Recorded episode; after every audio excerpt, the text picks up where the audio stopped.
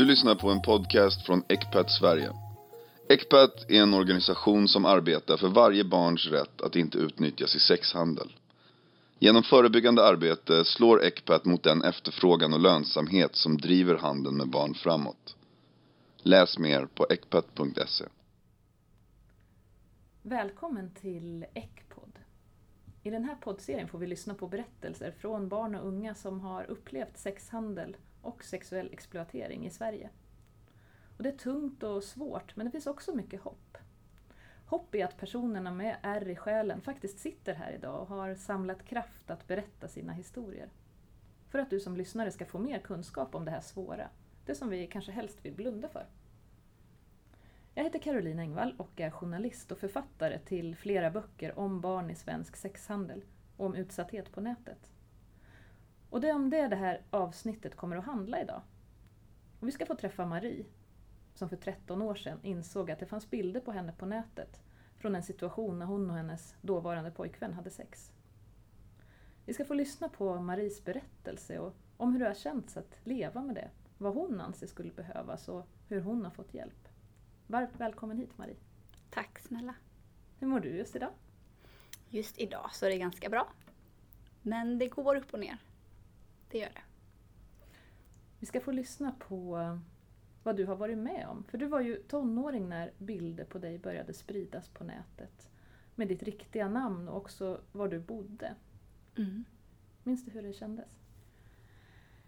Ja, det var väldigt jobbigt. Jag tyckte att det kändes eh, kränkande på något vis. Att det fanns så tillgängligt där för alla. Jag kände mig väldigt, väldigt eh, utsatt. Kommer du ihåg hur du upptäckte det? Jag upptäckte det ett halvår senare efter att bilderna hade tagits. Då min bästa kompis ringde till mig och sa att hennes bror hävdade att det fanns bilder på mig på nätet. Och jag sa ju såklart att det inte är sant.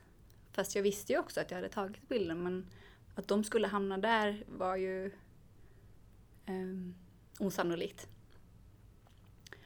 Så jag fick ju länken av henne och gick in och då fanns jag där. Men i det läget så fanns jag där med ett annat namn och jag skulle ha kommit ifrån Polen. Och så kunde man, det var en sida som man kunde eh, betala så skulle man få tillgång till hela katalogen då. För jag visste ju själv hur många bilder det fanns. Ja, och då blev jag såklart väldigt, väldigt ledsen. Ehm, jag kände mig väldigt maktlös, jag visste inte vad jag skulle göra. Och tankarna gick ju såklart direkt till min dåvarande pojkvän för vi var fortfarande i en relation då. Ehm, om det var han. Och så började den processen med hur kunde de hamna där de hamnade. Sen tog det nog inte många dagar innan bilderna fanns ute med mitt riktiga namn. För där jag kommer ifrån så är det ett litet samhälle, alla känner alla och det fanns tydligen något intresse av att eh, det skulle vara en riktig historia med mitt riktiga namn till de här bilderna. Och ganska så snart så fanns det med mitt riktiga namn. Och ett namn som jag är ensam om med min stavning i Sverige. Så att det gjorde ju det lite extra utsatt också såklart. Hur kändes det när du insåg att det här är mitt riktiga namn och alla kan se de här bilderna? Jag blev förtvivlad. Jag kände bara att jag ville berätta för alla hur det låg till. För det kändes som att alla redan hade bestämt sig för hur de hade hamnat där och varför. Och att jag inte fick säga varför eller att jag inte fick tala om. Det var ju ändå mina bilder. Var det någonting som de sa till dig eller någonting som du hörde ryktas? Jag hörde det ryktas och jag fick eh, privata mail till min skolmail där man hävdade att de frågade om jag fick betalt för bilderna. Om jag jobbade som prostituerad.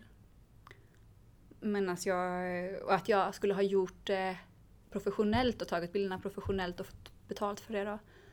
Men som jag hävdade var att då hade de ju inte sett ut som de hade gjort, alltså i ett vardagsrum. Så då hade det ju varit mycket mer stylat. Det här var ju verkligen bara i ens hem liksom, privata. Det fanns ju även bilder som inte hade något sexuellt och inte hade något naket också som fanns med. Så man kunde liksom se hela vanliga bilder också.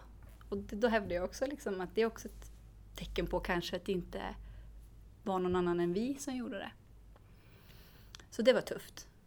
Du fick ju mejl och förfrågningar just till din Mm. skolmejl, vilket Mm. gjorde att du aldrig kunde släppa det här riktigt, eller hur? Nej, precis. Och det här var då tre veckor innan studenten då, och jag vet att jag hade... Alltså jag berättade ju till alla. För jag ville att alla skulle... Jag visste någonstans att det skulle vara svårt att möta mig och, och döma mig eller ha förutfattade meningar om de hade fått höra min historia. Så jag pratade väldigt mycket om det och försökte förklara. Men jag hade också en känsla där när det var tre veckor kvar till studenten att man ska klä upp sig och man ska göra sig fin och så ska man gå ut på trappan och så ska alla liksom skåden. Och det enda jag tänkte var att det enda de kommer att tänka att det där är hon med bilderna. Speciellt då de som inte känner mig så väl. Men sen så tyckte jag också att inte det skulle få vinna. Utan att eh, jag skulle vara stolt ändå. Så jag gick ju balen i alla fall. Och det var en jättefin upplevelse och jag tänker ju på det som en fin upplevelse nu. Och sen flyttade jag ju ifrån det lilla samhället. För då tänkte jag att eh, här finns min historia. Jag, jag, jag vill, och sen ville jag dessutom bo med min sambo som bodde i en större stad. Så det gjorde jag ju på en gång. Och det var ju också den sambon som jag hade tagit bilderna med. Hur tog du snacket med honom? Ja, Jag ringde och grät. Och han grät. Vi båda två var väldigt, väldigt ledsna över det här. Och han fanns ju också med på bilderna. Men det finns inte ett sånt stort intresse av att sprida eh, bilder på killar. Så att ju längre tiden gick desto mer sållades han bort och kvar var bara jag. Hur tror du det kommer sig? Ehm, jag tror att det finns ett sätt där man vill döma och hänga ut tjejer på något sätt som inte, alltså som om de vore dåliga eller att eh, hur de beter sig och så som inte är okej eller så. Eh, Medan för en kille så han får vara som han är. Det finns liksom inget intresse av att hänga ut en kille på det sättet. Sen ska jag inte säga, det finns säkert de som också har råkat ut för det. Men så var min, min tankegång då, varför hans försvann och mina var kvar. Ni flyttade från din stad Mm. där du växte upp. Hur, vad fick det mer för konsekvenser för dig att bilderna fanns så här lättillgängliga på nätet? Jag tänkte ju att om jag bara lämnar min ort så lämnar jag problemet. Men jag insåg ju ett halvår in kanske i den nya staden, som är lite större stad, att det här skulle förfölja mig. Och det gjorde jag med att eh, min chef tog in mig, inte högsta chef men en sån arbetsledare på kontoret och konfronterade mig att han hade hittat bilder på mig för att han hade sökt på mitt namn på nätet. Och jag ska säga, man kan tycka vad man vill om det, men han hade i alla fall... Eh, han vågade åtminstone konfrontera mig. Som en av de få personer som faktiskt har vågat göra det. Alla andra har vetat men inte tagit upp. Men det är klart att man hamnar i en jättekonstig situation när jag ska behöva stå och försvara mig inför honom då. Och så har det fortsatt. Det har tyvärr dykt upp vid flera tillfällen. Hur föredrar du att bli bemött kring det här? Jag tänker att det är väldigt svårt att eh, be någon annan att prata om det med mig såklart. Så därför så brukar jag ta upp det. Och jag tar även upp det med eh, nya kompisrelationer och så också som jag har. För att någon gång kommer det att komma upp och då har vi redan pratat om det. Det som jag skulle vilja bli bemött är att många har sagt till mig att jag ska sluta prata om det. För att de menar att jag själv bidrar till att sprida det. Men att jag själv hävdar att det inte... Det finns redan där. Och om jag kan berätta innan och berätta min upplevelse hur det är så, så blir det lättare för mig att hantera helt enkelt. Hur reagerade man i skolan? Ehm, det fanns ett sätt att reagera när jag var i rummet och ett annat när jag inte var där. Och det kunde jag märka på en situation en gång när jag åkte hem till, jag, jag visste, till några killkompisar. Det är ju precis i början när det har hänt. Och jag sitter där och en av killarnas telefoner ringer. Och då hör jag och jag ser på killen hur han reagerar att den som ringer ska då berätta om att det finns bilder på mig. Och varpå då jag tar telefonen och säger att det här är inte så kul för mig. Konfronterar han på det sättet, för det var liksom min, mitt sätt. Och han blev förtvivlad såklart. Och hävdade att han inte ville sprida det, men jag ska inte vara hård och döma här, där heller, för jag kanske hade gjort precis samma sak också.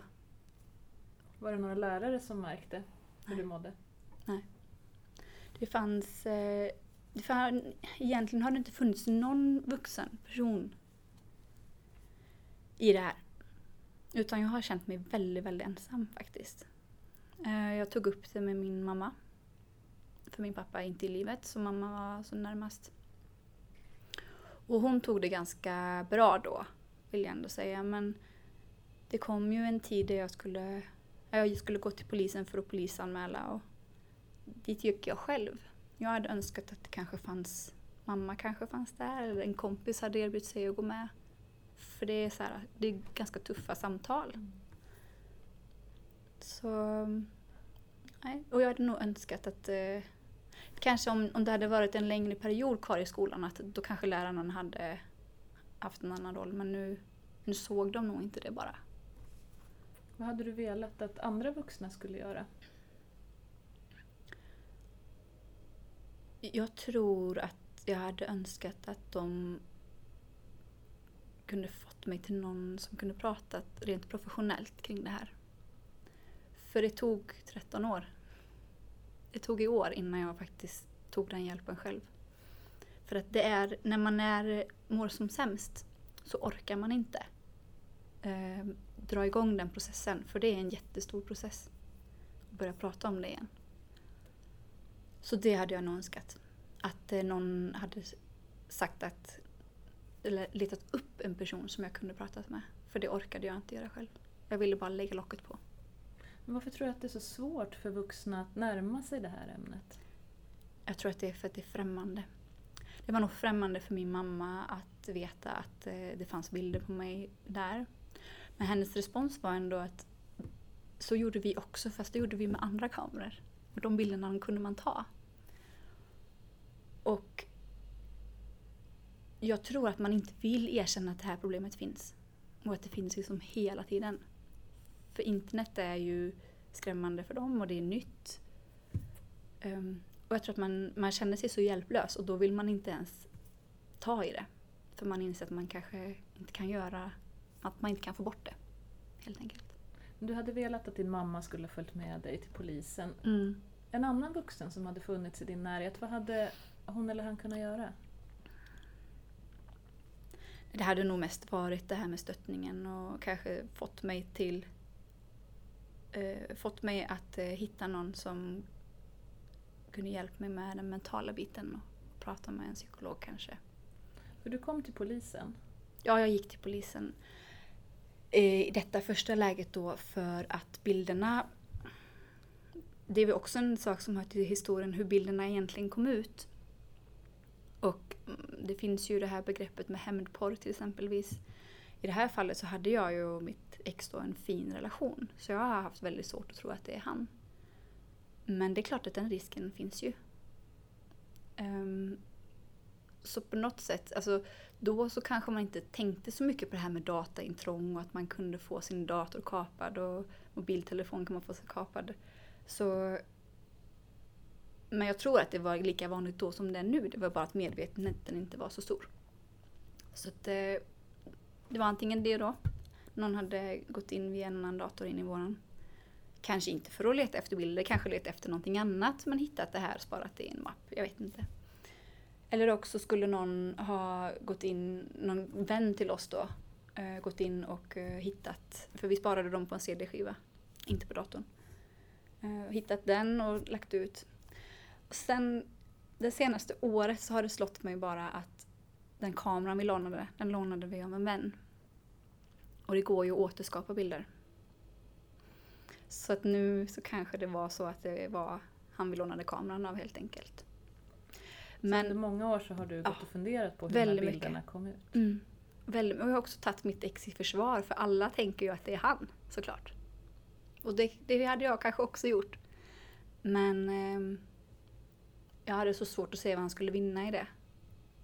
Faktiskt. Men då, mitt resonemang då var ju i alla fall att någon kanske hade tagit sig in via vår dator och det är ju typ av intrång och det är någonting som är olagligt. Så då gick jag till den lilla lokala polisen i, min, eh, i samhället där jag växte upp och skulle göra en polisanmälan. Och det var inte så lätt. Ehm, eftersom hela fenomenet för honom var ju nytt.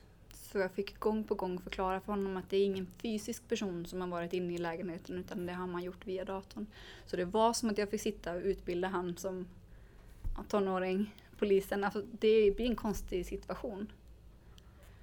Kändes det som du blev trodd? Ja, han gjorde nog sitt bästa. Så kan man säga. Men det kändes ju väldigt konstigt. Eh, den kontakten faktiskt. Var slutade det sen? Ja, den lades ner. Gjorde den. I brist det? på bevis. Um, det hade jag ju räknat med. Uh, då utredde man kanske inte så mycket den typen av brott heller och det finns inte de resurserna, kanske inte den kunskapen så. Men för mig var det viktigt att uh, ta ställning, att visa att det här är inte okej okay och att det här är ett brott och ja, men jag ville stå upp för mig själv. Liksom. Jag tänkte att det var viktigt. Hur mycket tid och energi har det här tagit av dig under de här åren? Att fundera på allt det här? Eh, ganska mycket i vissa perioder och i vissa perioder ingenting alls. Och ofta så kopplas det till när jag blir kontaktad. Jag kan gå i eh, ett par månader kanske utan att ens tänka på det. Men sen blir jag kontaktad på något sätt och då kommer processen upp igen. Och jag tänker alltid att nu var det nog sista gången som jag blev kontaktad med det här. Nu ska jag få lägga det bakom mig. Ett år är nog, två år är nog, fem år kanske är nog. Men nu har jag insett att det inte kommer att upphöra. Att man kommer att fortsätta kontakta mig ändå. Och senast var det januari i år. Och då har jag i en process fått lära mig att eh, tänka på det på ett annat sätt. Att bära det på ett annat sätt. För du har träffat en professionell person som har hjälpt dig framåt. Precis. Hur, hur har den processen varit? Jätte, jättetuff. Eh, det var, jag var väldigt, väldigt nervös inför vårt första möte för att jag var rädd att hon inte skulle förstå. För nu hade det gått så många år och jag hade tänkt så mycket på att jag behövde hjälp och jag var så himla rädd att att vi skulle landa hos fel person för då tror jag inte att jag skulle söka hjälp igen. Så jag hade sån himla tur att jag kom i kontakt med en person som eh, hon jobbade kring sådana här frågor men inte just exakt med det här. Men hon förstod ändå hur det har varit på något sätt. Och det är hon som har fått mig på tankarna om att bära det på, på ett annat sätt och att inte skämmas. Hur gör man för att inte skämmas? Man pratar om det kanske. Det är nog det största. Um, och att inte ursäkta sig. Och det är också en sak som slår mig att när jag berättar det till tjejer och killar så är det väldigt många som säger att de själva har tagit bilder med sina pojkvänner eller bilder på sig själva. För det är också ett sätt att eh, utforska sin, sin kropp på sin sexualitet. Och, och, det var som hon sa till mig, hon som har hjälpt mig, att du hade ju inte tagit bilder på dig om du inte hade känt dig trygg i din kropp. Och det hade hon någonstans rätt i. Och när hon sa det så började jag gråta, för så var det ju då. Fast så har det kanske inte blivit nu då. Utan nu är det mer som att, att jag har fått en skam kring det. För det är ju precis som du säger, det är ju på det här sättet som barn och unga utforskar sin sexualitet idag. Att man testar, man tar bilder, man provar vad man får kanske för kommentarer på nätet. Och I många fall så går det också väldigt bra. Mm. Ehm, det kan ju vara en trygg plats att vara på. Mm. Ehm, man kanske inte som förr i tiden drar hem någon oönskad sjukdom eller får en graviditet på köpet. Men det innebär ju en annan typ av risk att befinna sig i den här miljön på Mm. nätet. Vad skulle du vilja säga till de unga som, som testar sig fram på det här sättet? Ja, jag kan ju inte annat än att säga att de ska tänka sig för. Att de bilderna man tar ska man vara beredd att kunna visa för alla. För man vet inte i vems händer de kan hamna. Och jag vill verkligen inte säga det för att eh, moralisera eller så, utan jag, jag menar bara att den du skickar till nu kan ju vara en, en fin person. Men du vet inte i vilken situation nästa skulle kunna vara i. Så då skulle jag ju mer föredra det gamla sättet i sådana fall med en polaroidkamera eller en, en kamera du kan framkalla bilderna så att du åtminstone har att du äger bilden själv. Och kan ta tillbaka den och kan förstöra den om, om du skulle känna att det inte känns rätt. För du har en, en ny sambo idag. Mm. Hur pratar ni om det som har hänt? När vi träffades, så eh, innan vi blev tillsammans, så var en, det här en av de första sakerna jag tog upp med honom. Eh, och det gjorde jag för att jag misstänkte redan då att det här kommer att komma upp på ett eller annat sätt. Och tar jag det inte nu innan vi går in i en relation så har inte han fått ta ställning till om han vill leva med det här eller inte. Så jag berättade och det kunde ha kostat oss relationen. Men eh, han var fin och tyckte att det som har hänt har hänt.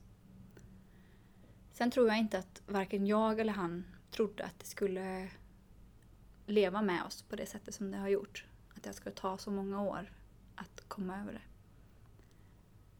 Men han, han känner sig otroligt maktlös i att han inte kan hjälpa mig. Men han är väldigt fin rent eh, med mig som person. Och han har aldrig, eh, det har aldrig funnits ett bråk kring det här utan det har bara funnits eh, stöttning och pratat mycket om det och så. Mm, vad fint att höra. Ja, det är jätte... Och det kanske har gjort att vår relation har varit så djup också. Och att jag... Han blir glad när han tänker på att jag ville dela det som var så jobbigt så tidigt. Det tyckte, tyckte han på att jag var seriös. Och... eh, Så det har nog ändå hjälpt på ett konstigt sätt. Du sa att det har levt med er båda två. På vilket sätt har det påverkat er relation? När det är mörkt för mig så blir jag väldigt nere och så och då är det ju till honom jag vänder mig. Och pratar kring det här och, och han försöker stötta mig och han frågar om vi ska ta hjälp och jag säger nej och han undrar om han kan göra någonting och så. Så det är klart att han ser mig i de här jobbiga perioderna som det är. Men vi vet också båda två att vi kommer ur dem. Och att det är under en period. Och däremellan så är det bra. Och det är jättebra. Men du blir kontaktad ibland fortfarande. Mm. Va- vad säger folk till dig? Jag blir ju kontaktad eftersom att jag, jag har ju mitt namn som jag är ensam med. Stavningen och mitt efternamn kommer från min pappa. Som inte längre finns i livet. Och det har varit viktigt för mig att inte byta namn. För då känns det som att jag tappar min identitet. Och sen vet jag också hur lätt det är att bara ändra informationen som finns på nätet. Då kan det vara så lätt att lägga till mitt namn då, då kan man lika gärna lägga till mitt nya namn. Många vill... Eh, det gör ju att jag blir kontaktad via Facebook oftast nu. Det är enkelt. Många vill eh, tala om för mig att de finns där. Det finns de som eh, skriver hemska kommentarer. Det finns de som tror att eh, det här har blivit ett resultat av något, att jag har varit otrogen. Att det är ett klassiskt hämndporrfall. Och så finns det de som vill vara hjälpa mig. Men det är alltid killar som vill hjälpa mig. Och det är otroligt frestande ibland att svara på de här kommentarerna. Att stå upp för mig och visa och tala om hur, hur mycket det har påverkat mig och hur mycket jag har levt med det här. Så ibland har jag gjort det, men nu det sista så har jag bara låtit det vara. Och de här meddelandena dyker ju upp i, i inkorgen som inte är av vänner då. Och det gör att de inte dyker upp direkt utan det är ett aktivt val av mig att gå in på, på just de här meddelandena från okända. Så att det får ju bli någon gång då och då som jag stålsätter mig och verkligen tänker att nu ska vi göra det, så ska vi rensa, börja på noll och så. Men senaste gången då fick jag ett mail till min privata mail. Och det har inte hänt på länge. Förr blev jag kontaktad via telefon och, och, och blev uppringd och så men annars har ju Facebook varit det. Och då är jag på något sätt lite förberedd när jag går in där. Att, jag, att det kan dyka upp. Som att jag sätter på mig en eh, lite rustning på något sätt. Men när det dök upp i min privata mail som på ett sätt har med mitt namn att göra men inte bara rakt av så blev jag jättechockad för att där satt jag på min lunch på mitt jobb och kollade mejlen som man gör. Och då hade han bifogat bilderna bara. Är det här du? Och då känns det jättejobbigt för att då är inte min mail längre ens privat. Och då kan... Vilket gör att jag tycker att det är jobbigt att titta min mail nu. Mm. Att eh, det också har blivit ett sätt att måste jag stålsätta mig och är jag då nere, ja men då tittar jag inte mejlen. Mm. Sen, det är klart jag kan, jag kan ändra till en annan mail. Det kan jag göra. Men eh, det har jag inte gjort. Jag tycker det är otroligt eh, hoppfullt ändå att lyssna till din berättelse trots att det är tunga saker du pratar om. Så sitter du ändå här idag och du har en fin sambo. Du mm. har ett jobb. Mm. Du ler ganska mycket när du berättar ändå. Alltså det, mm. finns, det lyser om dig på ett sätt som jag tycker är väldigt fint att se att det går att överleva väldigt svåra saker. Mm. Men, men, vad hade du önskat att eh, samhället skulle ha gjort för dig? Jag tänker på det som finns kvar idag då. Och det, är ju, det som har hänt, det har hänt. Men bilderna finns ju kvar. Och de finns där så länge jag inte väljer att ta bort dem själv. Och det kan nog vara ett av det jobbigaste i det här. Att själv få gå in och googla sitt namn. Att eh, gå in på de här sidorna. Behöva se vart de här bilderna hamnar. Behöva se kommentarer och så.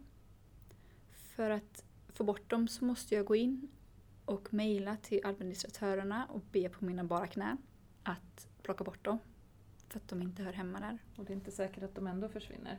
Nej, precis. Eftersom de är ju inte olagliga i sig på det sättet. Men de har ju hamnat, om man tittar på upprovs, upprätt, vad heter det? Upp, upphovsrätt. Tack. Så är det ju egentligen jag som äger dem men det är inte så många som lyssnar till det.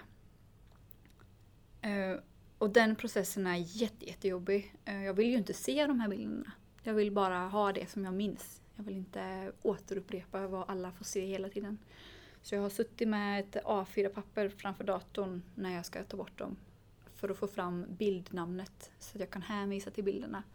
Och då kan jag inte hänvisa till en katalog utan jag får gå in på varje bild. Ibland är det fyra, ibland är det 20.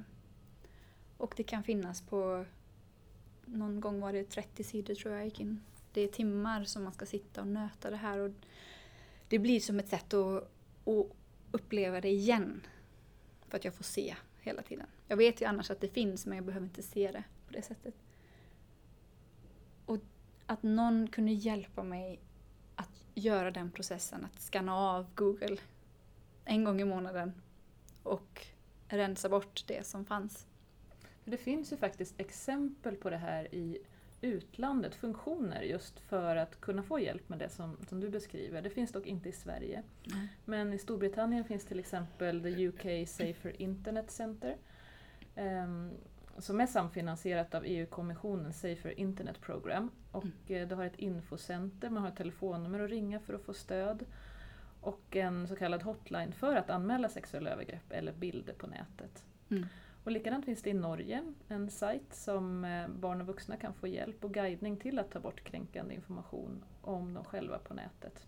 Och också Island har faktiskt ett eget Safe Internetcenter med dygnet runt-hjälp, både via mail och telefon, där medborgare kan få råd om just hur man eh, hanterar kränkningar på nätet. Och det här är ju någonting som Sverige verkligen skulle behöva steppa upp kring Mm. och ta på allvar. För när vi hör din historia så förstår man ju verkligen vilka konsekvenser bilder på nätet kan få. Mm. Det låter ju jättelovande att det finns andra länder som har börjat jobba med det här. För jag tror verkligen att eh, vi kommer behöva ha det. Det var 13 år sedan för mig när det här hände och jag lever med det än idag. Och internet är ju ingenting som vi kommer att använda oss av mindre. Så jag tror att det här kommer att bli ett ännu större problem. Och jag märker ju också att det pratas mycket mer om det nu än vad det gjorde för 13 år sedan. Så det låter väldigt lovande tycker jag att det i alla fall finns andra länder där man kan titta på och eh, se hur de jobbar. För det, det har varit det tuffaste. Det har också varit någonting som jag inte kunnat be någon annan om att göra. Det är ganska så... Jag känner själv att jag inte skulle kunna be min bästa vän att behöva gå in och se det här. Eller göra det arbetet. Så... Ja, jag blir hoppfull faktiskt. Vad har du för stöd runt omkring dig idag? min sambo främst. Några vänner. Eh, En syster som stöttar mig. Mamma stöttar mig såklart också men hon hon tar det här ganska hårt. På något sätt. Så vi har väldigt svårt att prata om det, tyvärr. Och sen har jag min eh, stödperson som har hjälpt mig här nu sedan januari i Göteborg. Och via henne har jag fått en kontakt med eh, en eh, polis som jobbar på IT-säkerhet som jag har haft samtal kring. Vad man skulle kunna göra och vad jag har gjort tidigare och så. Så det finns lite livlinor där som jag kan ta till om det skulle behövas. Och det är också en trygghet att veta att det finns någon som står där om jag skulle behöva vända mig till någon någon gång. Har du fått några råd från antingen polisen eller din stödperson som du kan dela med dig av till lyssnarna? Min stödperson tryckte på att jag ska bära det här på ett annat sätt. Att jag inte ska skämmas. Det tog jag med mig. Polisen eh, berättade att det fanns inte så mycket mer att göra än vad jag redan hade gjort. Men samtidigt så finns det ju ändå hennes stöd om jag skulle behöva henne i framtiden. Om jag skulle bli kontaktad av någon person, vilket skulle kunna hända. Så det tar jag med mig. Men jag tror också att det är väldigt viktigt att prata om det med alla runt omkring sig. Du träffade ju din stödperson bara för några månader sedan. Men det här har ju pågått under många år. Mm. Hade du velat haft eller behövt hjälp tidigare? Jag tror inte att jag hade velat haft hjälp men jag hade verkligen behövt det. Och ibland kanske man inte ska lyssna så mycket på när någon säger nej. Utan jag menar inte att man ska tvinga på men man kan plocka fram telefonnummer. Man kan söka upp personer, man kan söka upp organisationer som hjälper. Så att det här steget inte blir så långt för en att ta. Att, eh, eller kanske till och med ringa och prata med dem. Då tror jag att jag hade tagit emot hjälpen. Nu kändes den så långt bort på något sätt.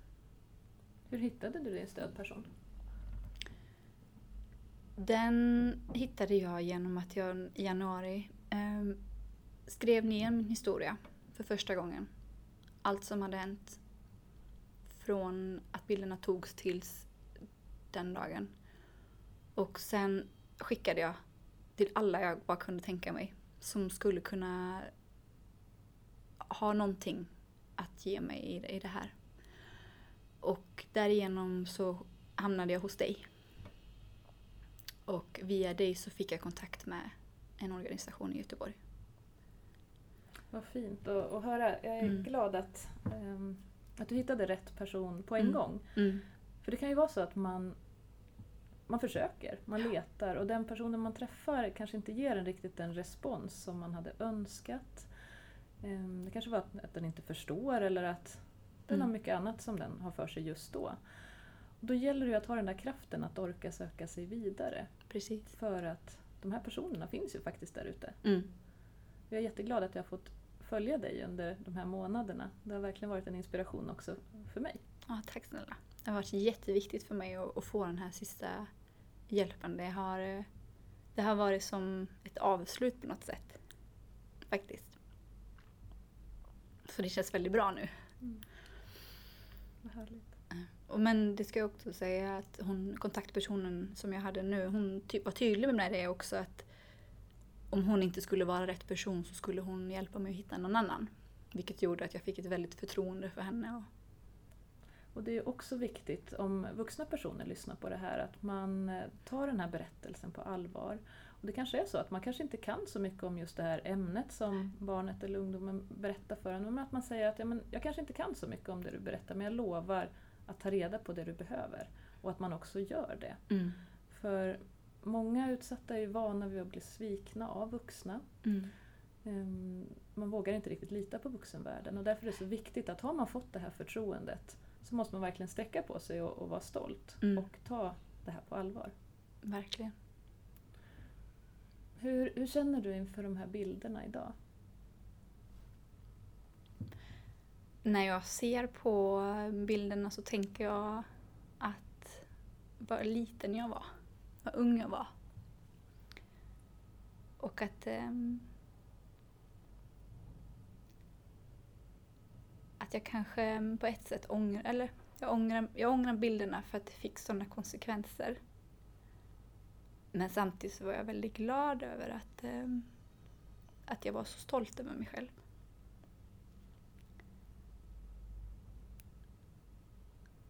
Och det har också gjort mig till en ehm, en person som vågar och, och prata om jobbiga saker och, och vågar att stå på mig. Och...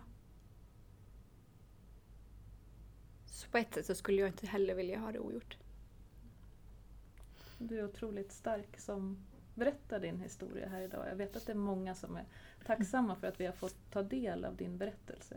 Jag förstår att det är jobbigt. Det har runnit några tårar här under inspelningen men det har också funnits många leenden. Mm. Leendena har verkligen vägt upp tårarna. Mm. Och jag hoppas att eh, lyssnarna när vi lämnar den här inspelningen idag att vi kan ändå känna det finns mycket hopp. Både i din historia, mm. i din styrka att orka berätta men också att vi alla runt omkring oss kan lära oss av det du har varit med om. Och att vi måste ta det som händer barn och unga på nätet på allvar. Det är också viktigt att komma ihåg att, att det finns faktiskt bra hjälp att få. Precis som du har hittat en stödperson som kan, som kan hjälpa dig i vardagen med att bära det här. Och att det finns också personer inom polisen som har kunskap och vetskap om att det här faktiskt existerar. Mm. Och det är ju tack vare berättelser som din Marie som eh, allmänheten också får ytterligare kunskap om vad det kan innebära att behöva leva med spridda bilder på nätet mm. som har varit där under många år. Mm. Men att man ändå kan sitta här och ha tagit sig framåt. Mm. Så jag är jättetacksam att du ville komma hit och dela med dig av din historia. Tack snälla för att jag fick komma hit. Tack.